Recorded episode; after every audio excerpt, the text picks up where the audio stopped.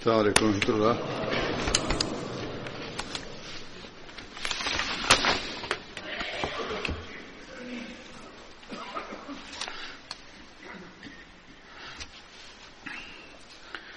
أشهد أن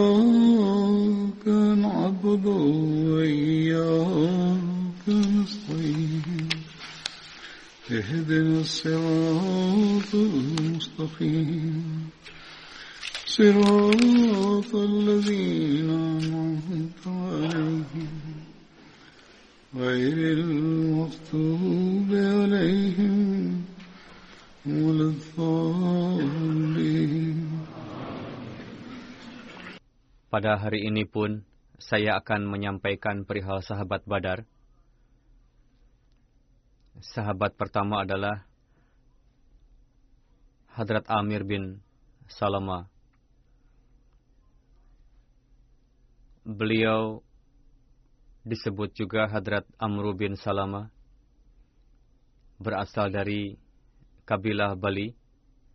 Bali merupakan sebuah ranting kabilah Arab kuno, Quda'ah, yang terletak di Yaman. Karena latar belakang itulah beliau dinamai Abin Salamah Balwi. Hadrat Amir adalah penukung Ansar. Hadrat Amir bin Salamah mendapatkan kemuliaan untuk ikut serta pada perang Badar dan Uhud. Sahabat berikutnya adalah Hadrat Abdullah bin Suraka. Beliau berasal dari Banu Adi kabilah Quraisy yang merupakan kabilah Hadrat Umar bin Khattab. Mata rantai leluhur Hadrat Abdullah bin Surakah pada urutan kelima yang bernama Reha bertemu dengan garis leluhur Hadrat Umar, sedangkan pada urutan yang ke-10 yang bernama Ka'ab bertemu dengan garis leluhur Rasulullah SAW. Ayahanda beliau bernama Surakah bin Mu'tamir. Ibunda beliau bernama Ammatu binti Abdullah. Saudari beliau bernama Zainab, sedangkan saudara beliau bernama Amru bin Suraka. Istri beliau bernama Humaimah binti Haris. Darinya terlahir putra beliau bernama Abdullah. Sebagian besar penulis sirat menerangkan bahwa beliau ikut serta pada perang Badar namun sebagian lagi berpendapat sebaliknya dan ikut serta pada perang Uhud dan peperangan lainnya. Jadi, berdasarkan pendapat sebagian besar penulis sirat, Hadrat Abdullah dan saudaranya Amru bin Surakah mendapatkan kemuliaan untuk ikut serta pada perang Badar. Terdapat riwayat juga yang menyatakan bahwa Amru, Usman bin Abdullah, Zaid, Ayyub, Abdurrahman adalah dari keturunan beliau. Abdullah bin Abi Bakar meriwayatkan, Hadrat Abdullah bin Surakah hijrah dari Mekah ke Madinah bersama dengan saudaranya. Amr, keduanya tinggal di rumah Hadrat Rifa'ah bin Abdul Munzir. Hadrat Abdullah bin Surakah wafat pada masa kekhalifahan Hadrat Utsman pada tahun 35 Hijri. Hadrat Abdul bin Surakah meriwayatkan, Rasulullah bersabda, tasaharu walau bilma'i, yakni biasakanlah sahur sekalipun hanya dengan air, yakni sahur adalah lazim. Sahabat berikutnya adalah Hadrat Malik bin Abu Khali. Beliau berasal dari kabilah Banu Ijal yang merupakan suku kabilah Quraisy Banu Adi bin Ka'ab. Ayah beliau dipanggil Abu Khali dan namanya adalah Amru bin Zuhair. Diriwayatkan juga bahwa Hadrat Malik bernama Hilal. Ketika Hadrat Umar hijrah ke Madinah, saat itu selain keluarga besar Hadrat Umar, ikut serta juga Hadrat Malik dan saudaranya Hadrat Kholi. Hadrat Malik ikut serta pada perang Badar bersama dengan saudaranya, Kholi. Berdasarkan pendapat lain, Hadrat Kholi ikut serta pada perang Badar bersama dengan dua saudaranya, Hadrat Hilal, yakni Hadrat Malik, dan Hadrat Abdullah. Hadrat Malik bin Abu Kholi wafat pada masa kekhalifahan Hadrat Utsman. Sahabat berikutnya bernama Hadrat Waqid bin Abdullah. Ayahanda beliau bernama Abdullah bin Abdul Manaf, berasal dari kabilah Banu Tamim. Beliau adalah pendukung Khattab bin Nufail. Ada pendapat yang menyatakan bahwa beliau adalah sekutu kabilah Quraisy Banu Adin Ka'ab. Orang-orang yang bayat sebagai buah dari pertabligan Hadrat Abu Bakar seperti yang disebutkan dalam kitab-kitab sejarah dan sirat, di antaranya adalah Hadrat Waqid. Beliau bayat sebelum Rasulullah memasuki Darul Arqam.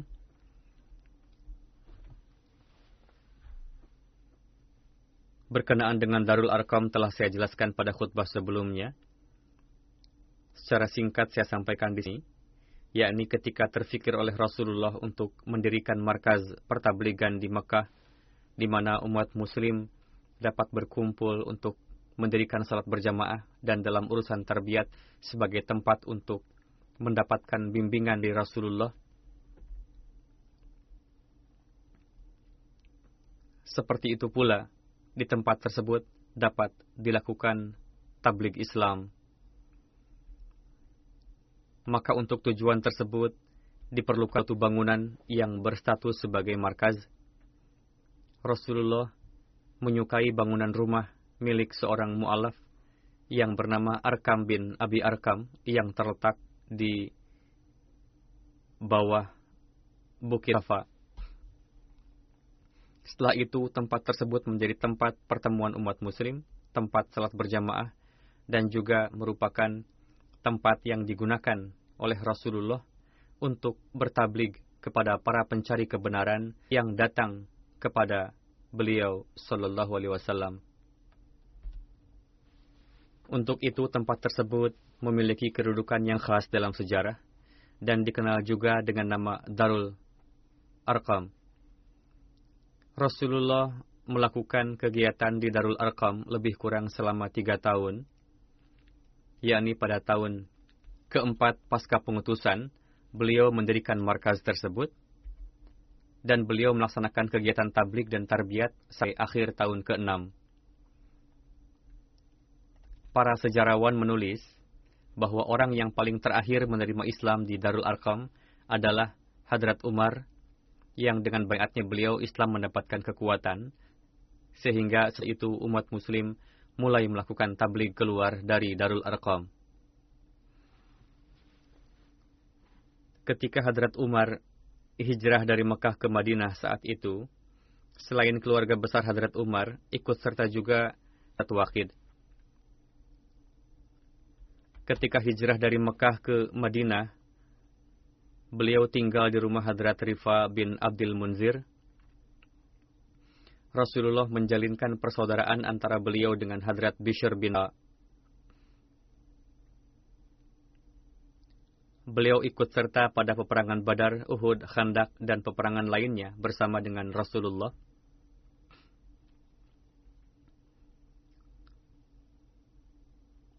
Ketika Hadrat Rasulullah mengutus pasukan di bawah komando Hadrat Abdullah bin Jahash ke suatu syariah, di dalamnya termasuk juga Hadrat Wakid. Pada syariah tersebut, Hadrat Wakid berhasil membunuh seorang kafir yang bernama Amru bin Hidharmi. Itu adalah musyrik pertama yang terbunuh pada masa Islam, dan Hadrat Wakid adalah muslim pertama yang membunuh seorang musyrik dalam peperangan. Penjelasan lebih lanjut mengenai topik tersebut telah saya sampaikan ketika menjelaskan topik Hadrat Abdullah bin Jahash. Hadrat Wakid wafat pada masa kekhalifahan Hadrat Umar. Sahabat berikutnya bernama Hadrat Nabi bin Harith. Beliau berasal dari kabilah Ansar, keluarga Aus, Banu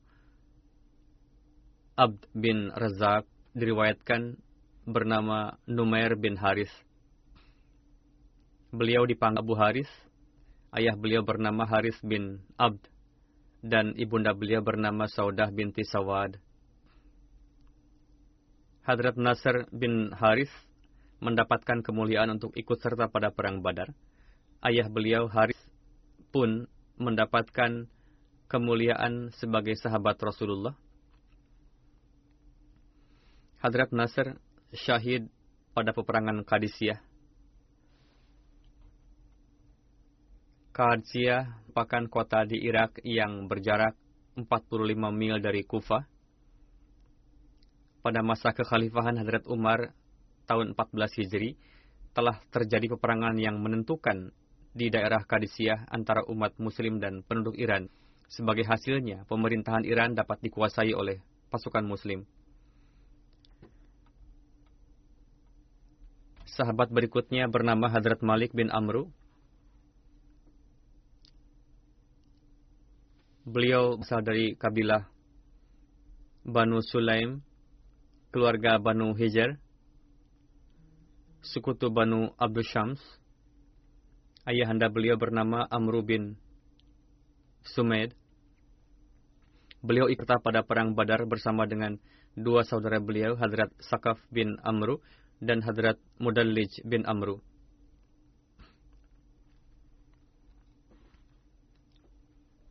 Beliau ikut serta pada perang Uhud dan peperangan lainnya bersama dengan Rasulullah. Beliau syahid pada perang Yamamah tahun 12 Hijri. Sahabat berikutnya bernama Hadrat Numan Bisr. Beliau berasal dari kabilah Bali Ansar, sekutu kabilah Banu Umayyah. Beliau dipanggil juga dengan nama Luqaid bin Asar. Dipanggil juga dengan nama Numan bin Balwi. Beliau ikut serta pada Bayat Aqabah, Perang Badar, dan peperangan lainnya bersama dengan Rasulullah Sallallahu Alaihi Wasallam. Beliau syahid pada Perang Yamamah.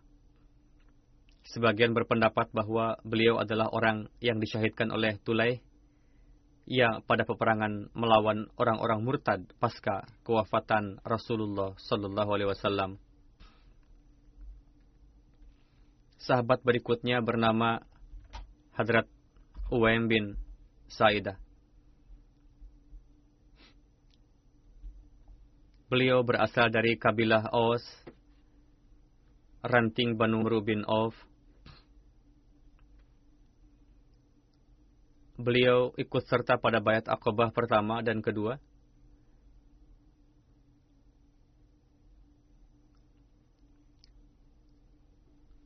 Berdasar referensi dari buku Sirat Khatamun Nabiyyin, sebelum bayat akobah pertama, satu kelompok Ansar Madinah beriman kepada Rasulullah yang jumlahnya enam orang. Sedangkan dalam riwayat lain berjumlah delapan. Di antaranya termasuk Hadrat Uwaim bin Sa'idah. Menurut Tabaqatul Kubro, pada saat hijrah ke Madinah, Hadrat Rasulullah menjalinkan persaudaraan antara beliau dengan Hadrat Umar. Sedangkan pada riwayat lain dengan Hadrat Hatib bin Abi Balta. Hadrat Abdullah bin Zubair meriwayatkan bahwa beliau mendengar Rasulullah pernah bersabda, di antara hamba Allah, sungguh baik Uwaim bin Sa'idah, dan ia termasuk di antara ahli surga. Berdasarkan riwayat lain, ketika turun ayat, Fihi rijalui yuhibbuna, ay yatatoharu, wallahu yuhibbul muttahirin,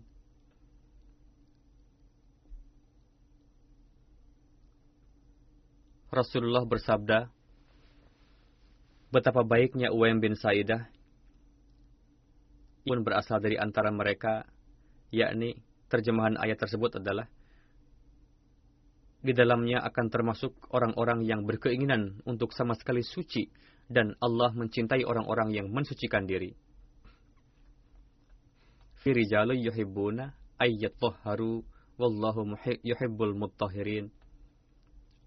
Hadrat Uwaim bin Sa'idah ikut serta pada perang Badar, Uhud, Khandak, dan seluruh peperangan lainnya bersama dengan Rasulullah Sallallahu Alaihi Wasallam. Asim bin Suaid meriwayatkan, beliau mendengar putri Hadrat Uwaim bin Sa'idah berkata kepada Ubaidah bahwa ketika Hadrat Umar bin Khattab berdiri di dekat kuburan Hadrat Uwaim bin Sa'idah, berda, di dunia ini tidak ada yang dapat mengatakan bahwa ia lebih baik dari penghuni kubur itu. Apa pun bendera yang ditancapkan, Uwem selalu berada di bawahnya. Dalam riwayat lain dikatakan bahwa pada zaman jahiliyah, ayahnya Haris yang bernama Suaid membunuh ayahnya Hadrat Mujazar. Setelah itu suatu hari, putra korban Hadrat Mujazar mengalahkan Suwaid, akhirnya Mujazar dapat membunuh orang yang telah membunuh ayahnya. Peristiwa ini terjadi sebelum lahirnya Islam, dan inilah yang menjadi penyulut terjadinya perang Buas yang terjadi antara Aus dan Khazraj. Setelah itu Rasulullah berangkat ke Madinah. Dan kedua putra korban yakni Haris bin Suwaid dan Hadrat Mujazar bin Ziyad bayat masuk Islam dan keduanya ikut serta dalam perang Badar. Kita tidak tahu sampai batas mana kebenaran peristiwa ini. Walhasil, setelah masuk Islam pun, Haris bin Suwaid selalu mencari kesempatan untuk membalaskan kematian ayahnya dengan membunuh Mujazar. Namun ia tidak mendapatkan kesempatan itu. Ketika pasukan Quraisy berbalik untuk menyerang pasukan Muslim pada perang Uhud, Haris bin Suwaid menyerang leher Hadrat Mujazar dari arah belakang dan mensyahidkannya. Pendapat lain menyatakan bahwa Haris bin Suwaid telah syahidkan Hadrat Qais bin Zaid. Pada saat kembali dari perang Hamra'ul Asad, malaikat Jibril menghampiri Rasulullah dan memerintahkan untuk membunuh Hadrat Haris bin Suwaid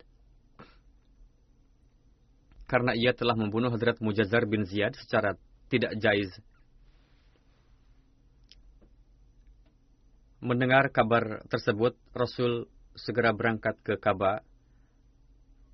Padahal biasanya beliau berangkat ke sana.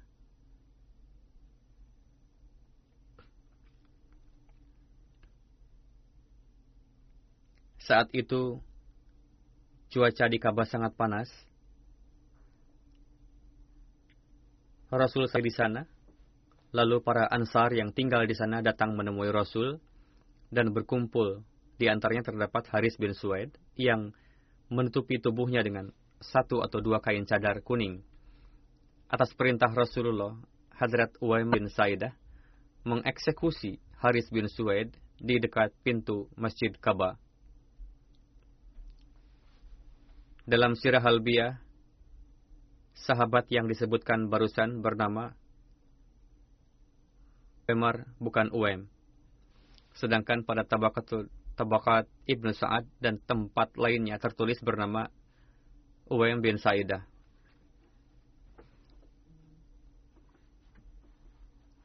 Dalam riwayat lain, Rasulullah tidak memerintahkan Uwaim bin Sa'idah untuk mengeksekusi. Keduanya adalah Muslim. Pada riwayat lainnya lagi, Rasulullah memerintahkan Hadrat Utsman untuk tugas tersebut. Dalam riwayat lainnya, Haris mengatakan, Demi Tuhan, sayalah yang telah membunuh Mujazar, namun bukanlah karena saya telah berpaling dari Islam, dan tidak juga saya menyimpan keraguan dan kebenaran Islam, melainkan syaitanlah yang telah mendorongku untuk balas dendam. Untuk itu saya bertobat di hadapan Tuhan dan Rasulnya atas perbuatan itu saya bersedia untuk mengalirkan darah korban. Saya akan berpuasa dua bulan penuh, akan memerdekakan seorang budak. Namun Rasulullah tidak menerima permohonan maaf Haris ini dan tetap menghukum mati Haris. Dalam riwayat Sirat Halbiyah, Abu Umar mengatakan bahwa Hadrat Uwem wafat pada masa kehidupan Rasulullah Diriwayatkan juga bahwa beliau wafat pada masa kekhalifahan Hadrat Umar pada usia 65 atau 66 tahun. Sahabat berikutnya bernama Hadrat Numan bin Sinan. Beliau berasal dari Ansar, kabilah Khazraj Banu Numan. Ibnu Hisham menulis bahwa Hadrat Numan adalah mantan hamba sahaya Banu Nu'man. Sedangkan menurut Ibnu Sa'ad, beliau adalah mantan hamba sahaya Banu Ubaid bin Adi.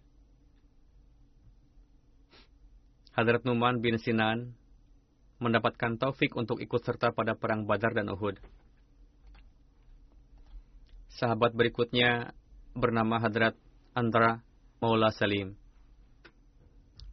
Beliau adalah mantan budak belian Hadrat Salim bin Amru, Hadrat antara Salma Zakwani adalah pendukung kabilah Banu Suad bin Ghadim yang merupakan ranting Ansar. Beliau ikut serta pada perang Badar dan Uhud.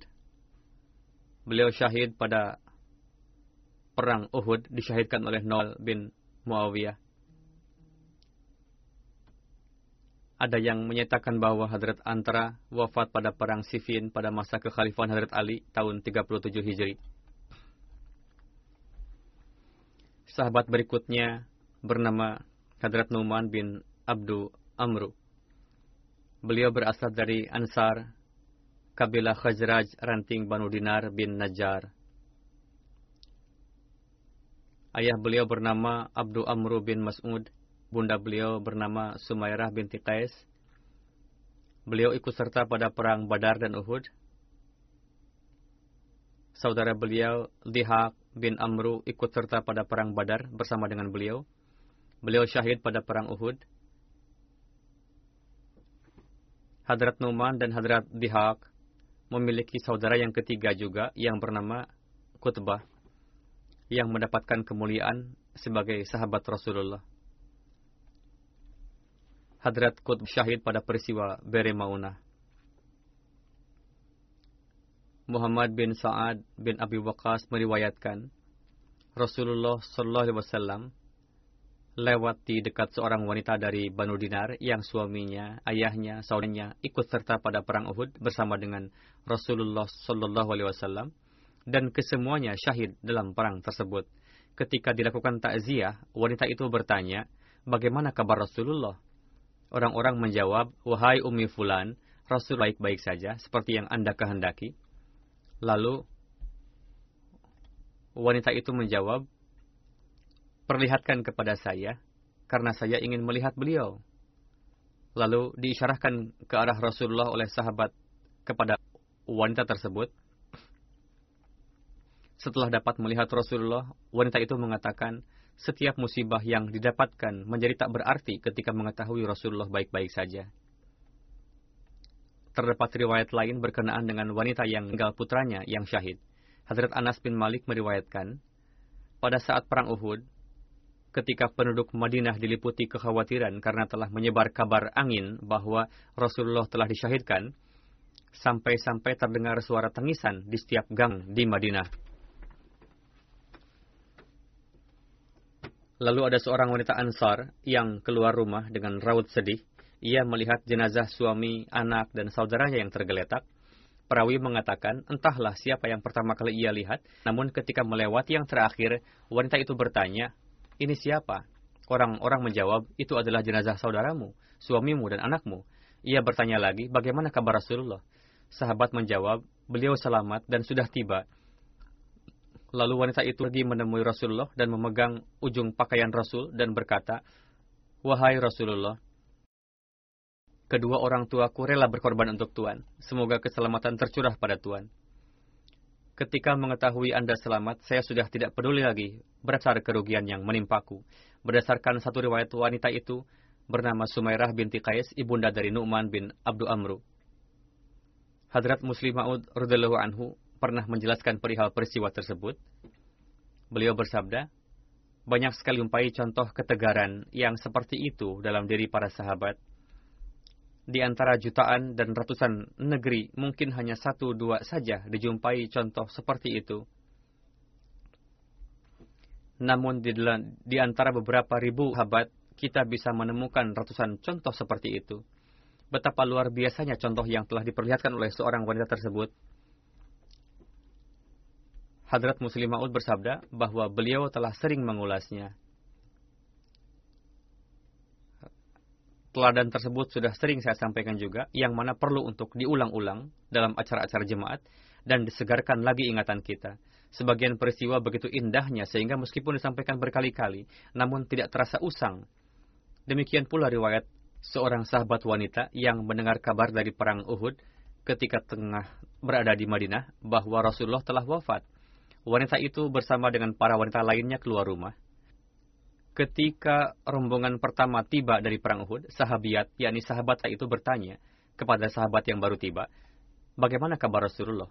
Sahabat itu menjawab, suamimu telah terbunuh. Wanita itu mengatakan, yang saya tanyakan kabar Rasulullah. Kamu malah mengabarkan suami saya. Sahabat menjawab, ayahmu juga telah terbunuh. Wanita itu mengatakan, yang saya tanyakan kabar Rasulullah, kamu malah mengabarkan ayah saya. Sahabat mengatakan, kedua saudaramu juga telah terbunuh. Sahabiat tadi mengatakan, cepat jawab pertanyaan saya. Tidak menanyakan kabar keluarga saya. Yang saya tanyakan kabar Rasulullah. Karena sahabat itu sudah tahu bahwa Rasulullah baik-baik saja, untuk itu beranggapan bahwa yang paling penting bagi wanita tersebut adalah mengabarkan kewafatan keluarga.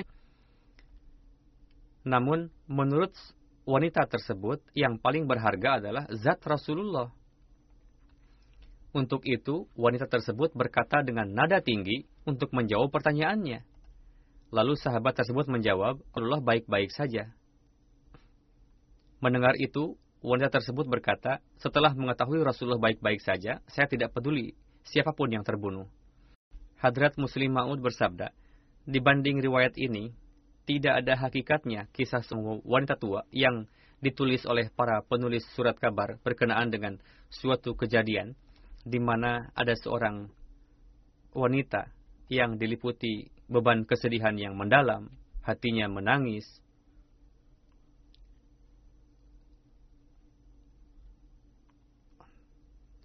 Hadrat Muslim Maud menjelaskan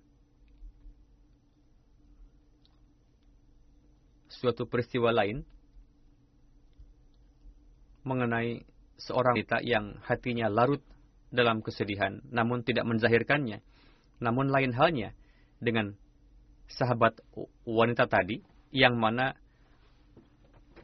merasa bahagia ketika mengetahui kabar bahwa Rasul telah selamat wanita tersebut pasti merasa sedih atas kewafatan keluarganya itu, namun tidak mau menzahirkannya.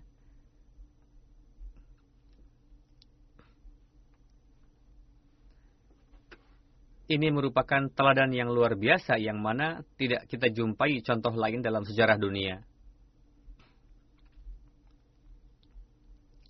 Hadrat Muslim Ma'ud bersabda, silakan jawab, jika kalimat dalam Al-Quran ini bukan untuk mereka yang berbuat, minhum man bahu, lantas untuk kaum mana lagi kalimat tersebut diungkapkan? Hadrat Muslim Maud bersabda, ketika membaca kisah sahabiat tersebut, hati saya dipenuhi dengan rasa hormat kepada beliau. Ingin rasanya aku menyentuh ujung pakaian wanita suci tersebut, lalu menyentuhkannya ke tangan dan mataku. Karena beliau telah meninggalkan kenangan yang paling indah dalam menampilkan rasa cinta kepada kekasihku, yakni Rasulullah.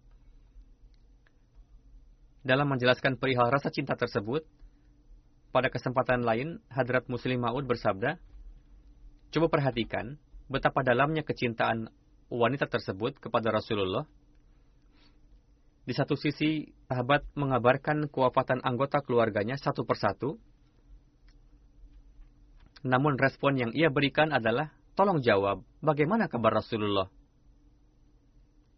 Walhasil beliau adalah seorang wanita yang memperlihatkan rasa cinta yang sedemikian kepada Rasulullah.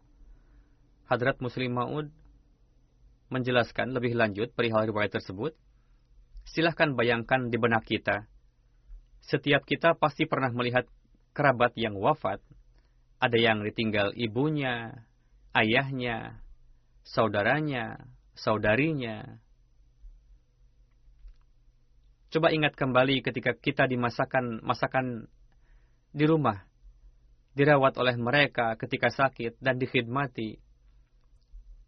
Lalu, bagaimana keadaan kita ketika mereka meninggalkan kita?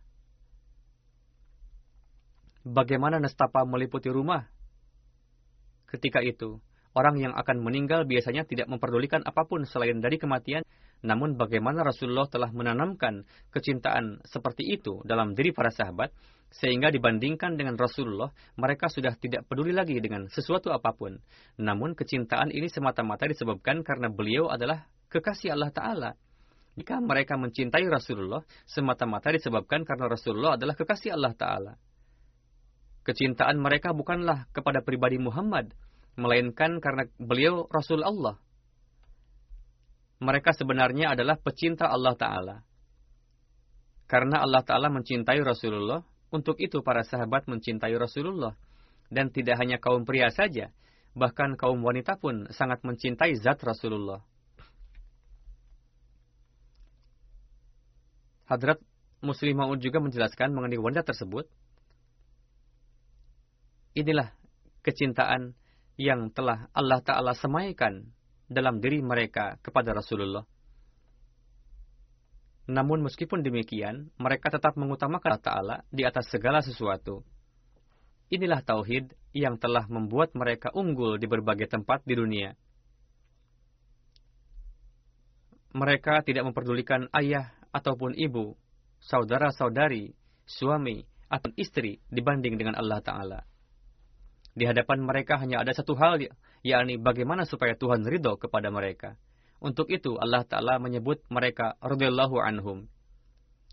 Mereka mendahulukan Allah Ta'ala di atas segala sesuatu, dan Allah Ta'ala mendahulukan mereka. Namun keadaan umat muslim telah berubah. Jika saat ini mereka memiliki jalinan dengan Allah Ta'ala, hanya sebatas dalam benak saja. Dalam benak mereka memang ada bahwa mereka meyakini Allah Ta'ala, meyakini Tauhid, namun tidak dalam hati mereka. Jika di hadapan mereka disebutkan perihal Rasulullah, maka kawat-kawat kecintaan mereka mulai bergetar. Begitu juga jika diperdengarkan perihal keluarga Rasulullah, Syiah Sunni semuanya, jika kepada mereka diperdengarkan perihal Rasulullah dan keluarga beliau, kecintaan mereka bergejolak. Namun ketika diperdengarkan perihal Allah Ta'ala, kabel-kabel kecintaan dalam diri umat muslim tidak bergetar. Padahal Allah Ta'ala lah yang telah menganugerahkan nikmat seperti Rasulullah kepada kita. Walhasil, ketika dijelaskan kecintaan dan disebut nama Allah Ta'ala kepada kita, seharusnya timbul rasa bahagia dalam diri kita, karena kemajuan hakiki dapat diraih dengan kecintaan kepada Allah Ta'ala, dengan teguh tauhid. Inilah prinsip dasar yang harus kita ingat Semoga Allah Ta'ala memberikan taufik kepada kita untuk dapat menciptakan pengetahuan yang benar dan kecintaan sejati kepada Allah Ta'ala dan Rasulnya. Sekarang, saya akan sampaikan beberapa almarhum dan setelah salat Jumat nanti saya akan pimpin salat jenazah gaib. Yang pertama, yang terhormat Maudud Ahmad Khan Sahib, Amir Jemaat Karachi, putra dari yang terhormat Nawab Masyud Masyud Ahmad Khan Sahib yang tutup usia pada tanggal 14 Juli pada usia 78 tahun. Innalillahi wa inna ilaihi rajiun. Beliau pada tanggal 12 April 41 di Kadian di rumah yang terhormat Mas'ud Ahmad Khan Sahib dan Sahib Zadi Tayyibah Siddiqah Sahib. Beliau adalah cucu dari garis ayah dari Hadrat Nawab Mubarakah Begum Sahibah dan Hadrat Nawab Mubarak Muhammad Ali Khan Sahib dan cucu dari garis ibu dari Hadrat Dr. Mir Muhammad Ismail Sahib. Beliau mendapatkan gelar LLB dari Punjab University lalu melakukan praktik sekian lama bersama dengan Hadrat Sheikh Muhammad Ahmad Mazhar lalu menjalin relasi dengan law firm Ordignum lalu pindah ke Dhaka dan bekerja di sana lebih kurang 52 tahun, bekerja pada perusahaan yang sama, bahkan menjadi partner senior dan beliau terhitung sebagai pengacara korporat senior Pakistan. Beliau juga ahli dalam bidang undang-undang komersial internasional, undang-undang perbankan, dan korporat. Dari sisi itu sangat populer. Sebagian undang-undang korporat Pakistan juga telah dirancang oleh beliau. Banyak tawaran dari perusahaan-perusahaan besar untuk menjabat sebagai direktur, namun beliau selalu menolaknya dan mengatakan pada jabatan-jabatan seperti itu biasanya suka mendapatkan tuduhan yang tidak mengenak disebabkan karena kesalahan orang lain, padahal seseorang tidak bersalah sehingga hal itu memberikan citra yang tidak baik bagi jemaat. Untuk itu saya menolaknya. Selain istri, beliau meninggalkan dua anak, seorang putra dan seorang putri. Putra beliau juga menggeluti bidang advokasi. Putri beliau tinggal di Kanada bersama suami.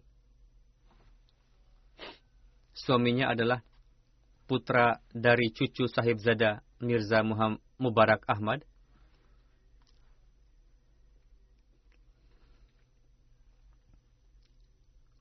Maudud Ahmad Khan Sahib ditetapkan sebagai Amir Daerah Karachi pada bulan Oktober 1996. Sebelum itu beliau berkhidmat sebagai Naib Amir dan Sekretaris Umur Kharijiyah. Beliau juga pernah menjabat sebagai Direktur Fazil Umar, Nasir, dan Tahir Foundation. Jian yang dialami oleh jemaat pada tahun 84. Sebagai buahnya hubungan beliau dengan media cukup baik. Istri beliau bernama Amatul Mumin Sahibah, putri dari Malik Umar Ali Sahib, ibunda beliau bernama Sayyidah Sayyidah Begum, putri dari Mir Muhammad Ishaq. Beliau juga menuturkan, almarhum memiliki sifat yang sederhana, berakhlak mulia, penyayang, rendah hati, dan mencintai. Siapa pun yang bergaul dengan beliau selalu mengatakan bahwa mereka merasa sudah mengenal beliau sudah bertahun-tahun, terlepas orang tersebut karyawan jemaat yang biasa ataupun senior dari sudut pandang mana pun saya tidak melihat ada kekurangan dalam diri beliau, apakah itu sebagai ayah ataupun sebagai suami. Beliau seorang suami dan ayah dan manusia yang ideal. Setiap orang selalu terkesan dengan beliau. Putra beliau, Mamun Ahmad Khan menuturkan, beliau adalah ayah yang ideal. Beliau selalu membiasakan kami salat sejak kecil Beliau selalu mengajak saya salat subuh ketika saya masih sangat kecil. Beliau selalu menasihatkan untuk menghormati dan mengkhidmati orang dewasa, dan itu sangat membekas dalam diri kami. Beliau dawam dalam salat berjamaah dan terdepan dalam pengorbanan harta. Ketika kami pergi ke Rabuah, beliau biasa mengajak kami ke Baisi Makbarah. Kami diajak ke kuburan para sahabat dan orang-orang suci, lalu beliau memperkenalkan kepada kami. Kerendah hatian sangat menonjol dalam diri beliau. Sifat kona'ah sangat nampak, bersikap rendah hati kepada orang-orang kecil. Namun beliau tidak menjumpai para atasan dengan niat supaya dapat naik pangkat atau mendapatkan manfaat. Beliau memperlihatkan wibawa tersendiri di hadapan atasan.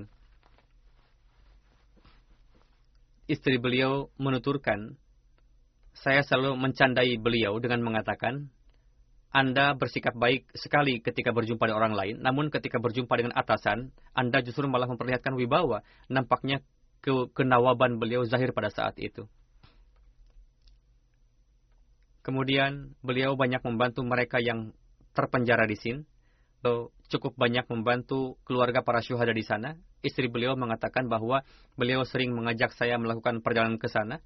Beliau memperhatikan keluarga-keluarga tersebut dan memberikan mereka hadiah-hadiah.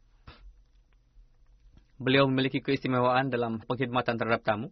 Setiap orang membicarakan mengenai hal ini, istri beliau mengatakan bahwa terkadang beliau menelepon 10 menit sebelumnya, memberitahukan bahwa akan datang sekian orang tamu dan meminta supaya disiapkan makanan.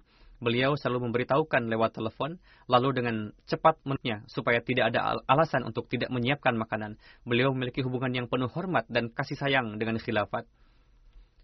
Sebuah jalinan yang tulus putra beliau mengatakan beliau selalu menasihati saya dan adik perempuan saya serta anak-anak lainnya supaya seminggu sekali menulis surat kepada khalifah untuk memberitahukan kondisi kami, lalu mengirimkannya lewat fax dan hendaknya terus mempererat hubungan ini. Sejak dua tahun lalu beliau menderita kanker. Beliau kemudian melakukan pengobatan. Dengan karunia Allah Ta'ala, beliau sembuh melalui pengobatan tersebut Beliau juga menulis kepada saya bahwa pengobatan berjalan baik. Saya mulai pergi ke kantor dan mengerjakan lebih dari setengah pekerjaan yang biasa dikerjakan. Tapi beberapa hari yang lalu tiba-tiba kondisi beliau memburuk dan nampaknya pada saat itu mengalami serangan jantung dan disebabkan hal itu beliau tidak sadarkan diri. Ketika dilakukan pengobatan terhadap penyakit kanker beliau, dokter mengatakan mengenai beliau bahwa kami sangat terang dengan sosok beliau. Yang pertama, Beliau sangat sabar dan bersemangat. Yang kedua, ketika berbincang dengan kami, nampak bahwa beliau adalah seorang yang berpendidikan. Putra beliau mengatakan bahwa ketika kami pulang, dokter di rumah sakit diri dengan sikap hormat ketika melihat beliau. Seorang pemuda Gair Ahmadi pun mengatakan kepada saya ketika bertakziah bahwa beliau sangat memberikan kesan dalam hidupnya, dalam hal akhlak dan mental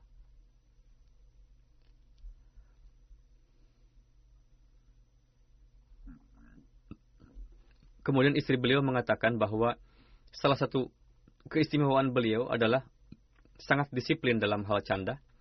Istri beliau mengatakan beliau berpenghasilan tinggi, beliau memiliki posisi jabatan yang tinggi, akan tetapi saya tidak pernah menanyakan kepada beliau mengenai jumlah penghasilan. Saya tidak pernah berani untuk menanyakannya. Akan tetapi terkadang dengan melihat daftar canda dapat diketahui dari jumlah pembayaran can beliau berapa besarnya penghasilan beliau. Selain itu, terdapat juga satu daftar panjang pembayaran canda atas nama para almarhum. Beliau mengatakan, kurangilah pengeluaran rumah, tangga, dan perbanyaklah pengorbanan untuk jemaat. Bahkan terkadang saya merasa bahwa penghasilan ini bisa banyak karena memberikan sebanyak mungkin untuk jemaat. Beliau sangat benci dengan kebiasaan mengadu, dan setiap orang mengatakan mengenai hal ini. Saya pun menjadi saksi akan hal ini, bahwa beliau sangat membencinya dan melarang supaya jangan pernah mendengarkan pembicaraan yang memburuk-burukan seseorang. Beliau pun sangat membenci gibat. Ada satu nasihat beliau yang berulang kali beliau sampaikan bahwa di dalam hidup ini janganlah berharap pada seseorang. Bukanlah dengan kemampuan sendiri supaya di kemudian hari tidak mengeluh mengenai seseorang. Mayor Bashir Tarik Sahib, seorang naib amir atau mungkin memegang jabatan tertentu, beliau menuturkan bahwa suatu kali beliau mengatakan kepada almarhum bahwa Anda telah bersikap lemah lembut secara berlebihan, bersikaplah sedikit keras. Dalam beberapa pekerjaan diperlukan juga sikap keras. Menanggapi hal ini, almarhum menjawab, bagaimana Tuhan bisa bersikap keras kepada seorang volir, sukarelawan yang telah menyisihkan waktunya untuk berkhidmat. Walhasil beliau memberikan tugas-tugas dengan penuh kasih sayang. Para khudam dan kaid pun menulis kepada saya bahwa beliau memperlakukan mereka dengan kasih sayang. Dikarenakan kondisi tertentu di Jemaat Karachi pada khudam melakukan tugas-tugas pengamat, markaz memerintahkan supaya dilakukan penjagaan untuk para amir. Ketika para khudam sedang bertugas, beliau sangat memperhatikan mereka dan biasa mengatakan kepada mereka, sesampainya di rumah nanti, informasikan kepada saya bahwa Anda telah tiba di rumah dengan selamat. Kaid menulis, terkadang jika saya tidak ada kendaraan, maka beliau akan memberikan mobilnya kepada saya dan mengatakan, bawalah ke rumah supaya sampai dengan aman dan selamat.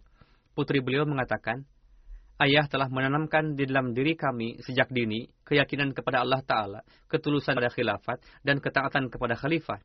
dan menasihatkan kepada kami supaya tetap teguh di atasnya. Dalam kondisi sakit pun beliau secara rutin menyimak jalsa-jalsa. Beliau menyimak jalsa USA melalui live streaming. Beliau juga menyuruh saya untuk ikut menyimak. Kemudian ketika jalsa Jerman dan Kanada berlangsung bersamaan, putri beliau ini tinggal di Kanada dan mengata, ia mengatakan bahwa ia pun menyimak jalsa Jerman dan beliau biasa menyimak khutbah-khutbah dengan dawam. Beliau sangat mementingkan bulan Ramadan.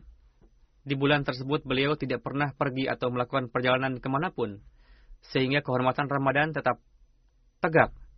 Dalam hal ini banyak sekali pelajaran bagi orang-orang yang untuk urusan-urusan yang sepele beralasan melakukan perjalanan dan meninggalkan puasa. Seorang sabik mubalik di Karachi, Said Hussein Ahmad, yang juga sepupu beliau, menuturkan, ketika saya menetap di Karachi sebagai mubalik, apabila dalam rapat majelis amilah ada suatu kesulitan, beliau biasa mengatakan bahwa ini adalah pekerjaan Allah Ta'ala, kita hanya sedikit mengambil andil di dalamnya. Oleh karena itu, yang harus kita lakukan adalah berusaha. Beliau selalu berdiri menyambut setiap orang yang dengan beliau. Beliau selalu mendengarkan dengan seksama kepada setiap orang yang bertanya kepada beliau dan mempelajarinya. Lalu menindaklanjutinya. Beliau sebisa mungkin membantu anak-anak yatim, para janda, dan orang-orang miskin. Meskipun dengan terbatasnya budget jemaat, beliau selalu menemukan suatu cara untuk memenuhi kebutuhan jemaat. Seorang wanita dari Karachi, Maryam Samar Sahibah, mengatakan, beliau bukan hanya ayah bagi anak-anaknya sendiri, bahkan beliau layaknya seorang ayah yang penuh kasih sayang bagi jemaat Karachi. Dan beliau turut serta dalam suka dan duka orang. Beliau memikirkan semuanya, sangat rendah hati dan cerdas. Suatu kali dalam sebuah program nama beliau ditulis Nawab Maudud Ahmad Khan, maka beliau mencoret dengan pulpennya kata Nawab tersebut. Naib Amir Quraisy Mahmud Sahib mengatakan, pada periode keamirannya, beliau memberikan bimbingan kepada para anggota jemaat Karachi layaknya seorang ayah yang penuh cinta dan kasih sayang. Beliau adalah wujud yang dicintai dan dihormati oleh setiap orang. Beliau adalah sosok yang penyabar, rendah hati, Kerendahan hati adalah sisi yang sangat menonjol dalam diri kepribadian beliau, baik itu besar maupun kecil, kaya ataupun miskin, terpelajar atau tidak. Beliau menemui setiap orang dengan penuh kecintaan dan mendengar pembicaraannya dengan penuh perhatian, kemudian memberikan saran-saran. Dan beliau berdiri dari kursinya ketika menemui setiap orang yang datang, baik itu kecil maupun besar. Beliau mengerjakan pekerjaan-pekerjaan jemaat dan setiap hari duduk di kantor selama berjam hingga larut malam menyelesaikan tugas-tugas jemaat. Dari kantornya beliau langsung menuju ke kantor jemaat, kemudian berada di sana hingga pukul 10 malam. Beliau berusaha keras memotivasi anak-anak dan para pemuda jemaat untuk menempuh pendidikan yang tinggi sebagai amir, beliau menjalin rabtah secara pribadi dengan para sekretaris di setiap bidang dan juga para ketua halkah dan memberikan bimbingan dari pekerjaan-pekerjaan di bidang mereka. Saudara Ansarullah Pakistan menulis, beliau sangat memikirkan mengenai taklim dan tarbiyat para anggota jemaat. Suatu kali saya melakukan lawatan ke sana. Saat itu sedang dilaksanakan refreshers untuk para pengurus, beliau menghampiri saya dan dengan penuh kepedihan mengatakan, Anda datang ke Karachi untuk refresher course.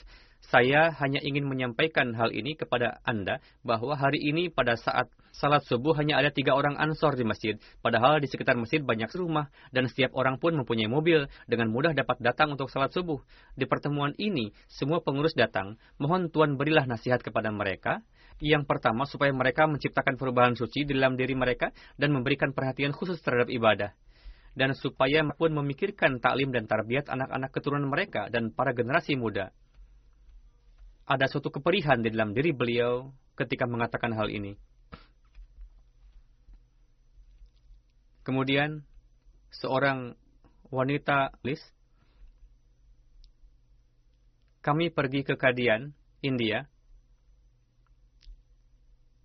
Setiap orang membawa mata uang India dan awalnya kami beranggapan bahwa kami diizinkan untuk membawanya.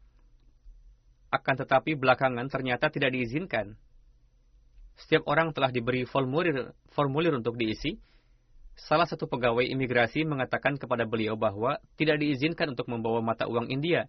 Namun jika Anda telah membawanya kekeliruan, maka tidak apa-apa. Jangan disebutkan di dalam formulir ini dan silakan untuk dibawa.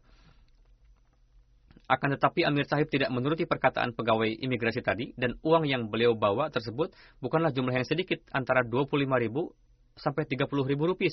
Beliau tetap menuliskannya dalam formulir. Pegawai tadi mengulangi perkataannya, jangan dituliskan di sini, atau kami terpaksa akan mengambil uang tersebut sesuai dengan peraturan hukum yang berlaku.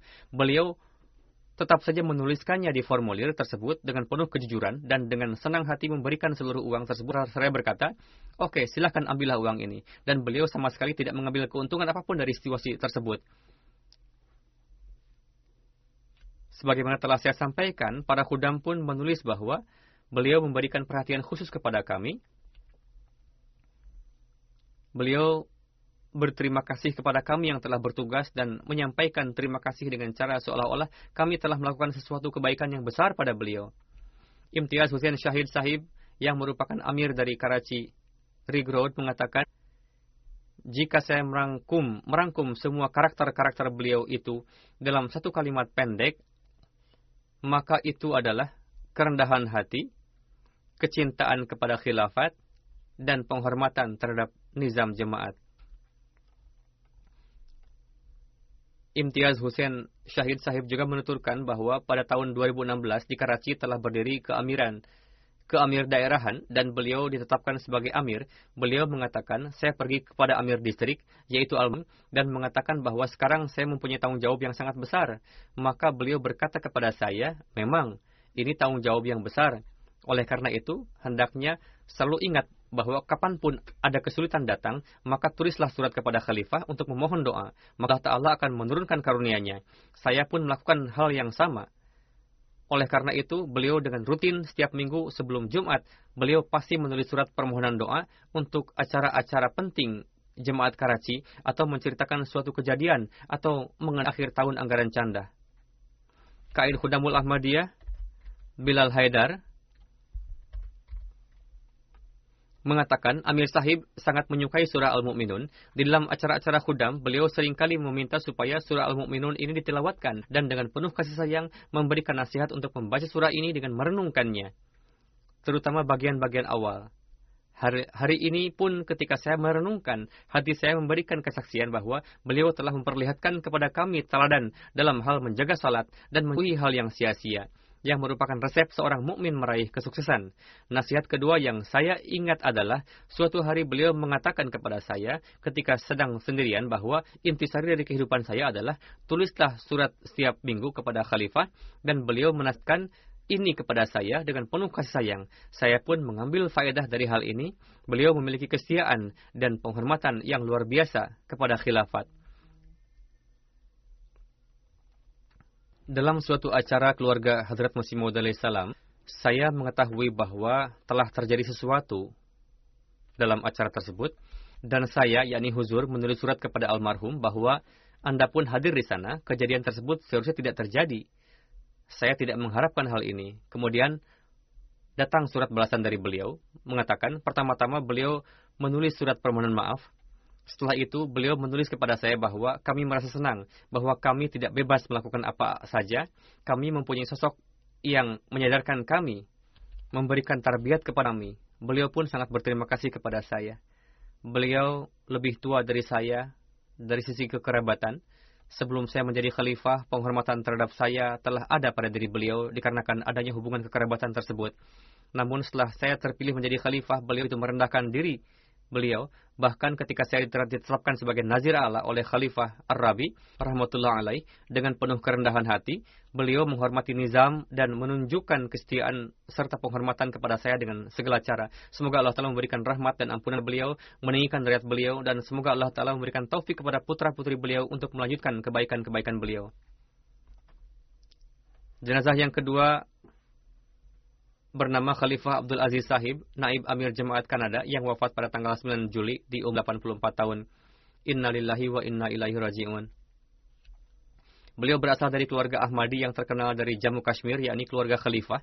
Ayah beliau Hadrat Khalifah Abdurrahim, Abdurrahim Sahib, kakek beliau dari ayah Hadrat Khalifah Nuruddin Sahib, kakek beliau dari ibu Hadrat Umar Bakshahib, Ketiganya adalah sahabat Hadrat Masih Maud alaihissalam. Kakek beliau mendapatkan karunia menemukan kuburan Hadrat Masih Isa alaihissalam di Mahala Khanyar, Srinagar, Kashmir, yang mana Hadrat Masih Maud alaihissalam menyebutkan hal ini di banyak tempat dalam tulisan-tulisan beliau.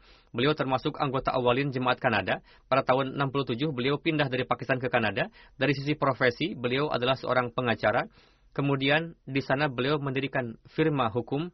Beliau selalu membantu jemaat dalam masalah hukum Pengkhidmatan beliau terhadap jemaat melewati masa lebih dari 50 tahun.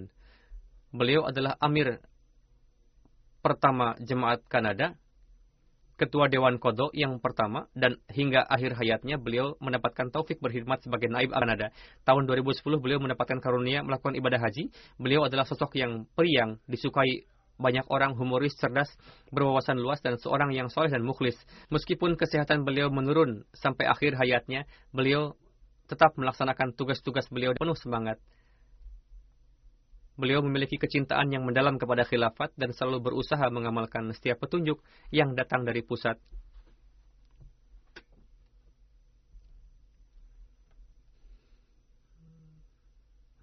Dengan karunia Allah Ta'ala, beliau seorang musik, Semoga Allah Ta'ala juga memberikan rahmat dan ampunan kepada beliau, memberikan kesabaran dan ketabahan kepada orang-orang yang tinggalkan, dan mereka diberikan taufik untuk meneruskan kebaikan-kebaikan almarhum. Amin.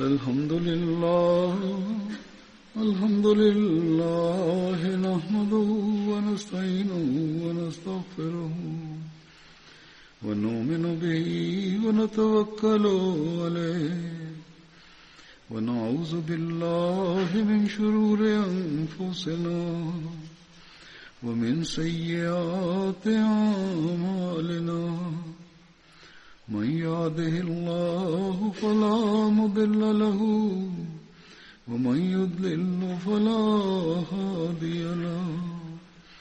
ونشهد أن لا إله إلا الله ونشهد أن محمدا عبده ورسوله. عباد الله رحمكم الله. إن الله يأمر بالعدل واللسان وإيتاء ذي القربى وينهى عن الفحشاء والمنكر والبغي يعظكم لعلكم تذكرون اذكروا الله يذكركم وادعوه يستجب لكم ولذكر الله أكبر